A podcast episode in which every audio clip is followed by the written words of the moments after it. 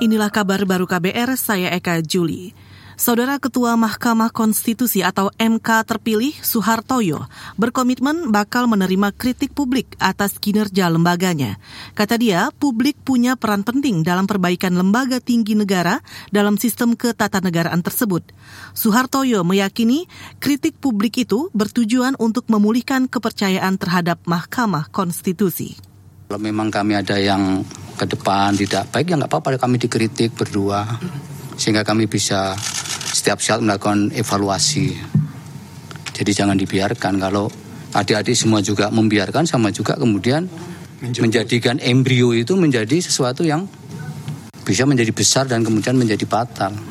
Itu tadi Ketua Mahkamah Konstitusi MK terpilih Soehartoyo.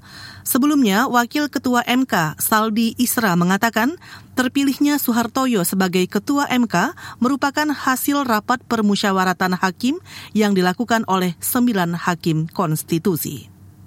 Kita ke informasi lain. Kementerian Perencanaan Pembangunan Nasional atau PPN Bapenas berkomitmen mempercepat revitalisasi produksi tambak rakyat tradisional. Deputi Bidang Kemaritiman dan Sumber Daya Alam Bapenas, Vivi Yulaswati menyebut program di kawasan sentra produksi udang dan bandeng ini menjadi proyek prioritas pemerintah yang tertuang dalam Rencana Pembangunan Jangka Menengah Nasional atau RPJMN 2020 hingga 2024.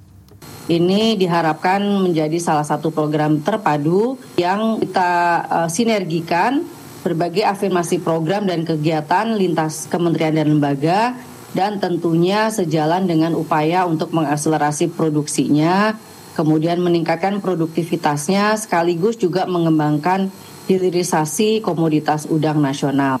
Membutuhkan komitmen berbagai pihak untuk memberikan afirmasi program secara serius Deputi Bidang Kemaritiman dan Sumber Daya Alam Bapenas, Vivi Yulaswati juga menambahkan, produktivitas tambak rakyat tradisional menjadi andalan dengan luasan mencapai lebih 240 hektar. Menurut Vivi, komoditas udang paling berkontribusi dalam ekonomi perikanan yang berperan sebagai bahan pangan hingga devisa ekspor. Nilai kontribusinya mencapai lebih 30 persen dari nilai ekspor produksi perikanan nasional. Kita ke Jawa Timur. Pemerintah Kabupaten Banyuwangi menjamin stok ketersediaan daging menjelang Hari Natal 2023 dan Tahun Baru 2024. Menurutnya, kebutuhan itu diperkirakan naik 5 persen. Kepala Bidang Kesehatan Hewan dan Kesehatan Masyarakat Veteriner Dinas Pertanian dan Pangan setempat, Nanang Sugianto mengeklaim hingga bulan ini populasi sapi siap potong mencapai 130 ribu ekor, sedangkan populasi ternak kambing dan domba siap potong mencapai 270 ribu ekor. Kalau untuk ketersediaan kita kita sangat cukup lah. Artinya eh, sapi jantan ataupun betina yang sudah afkir yang untuk siap dipotong itu cukup. Karena konsumsi Banyuwangi kita berdasarkan data pemotongan yang ada di rumah potong hewan ya, yang kondisional lah, jadi untuk hajatan dan sebagainya. Masyarakat Banyuwangi konsumsinya per hari rata-rata sekitar 4 ton. 4 ton. Untuk daging sapi ya.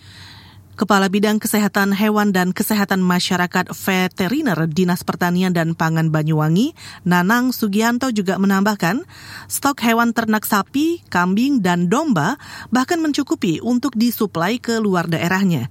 Karenanya, ia meminta masyarakat tidak khawatir. Inilah kabar baru KBR, saya Eka Juli.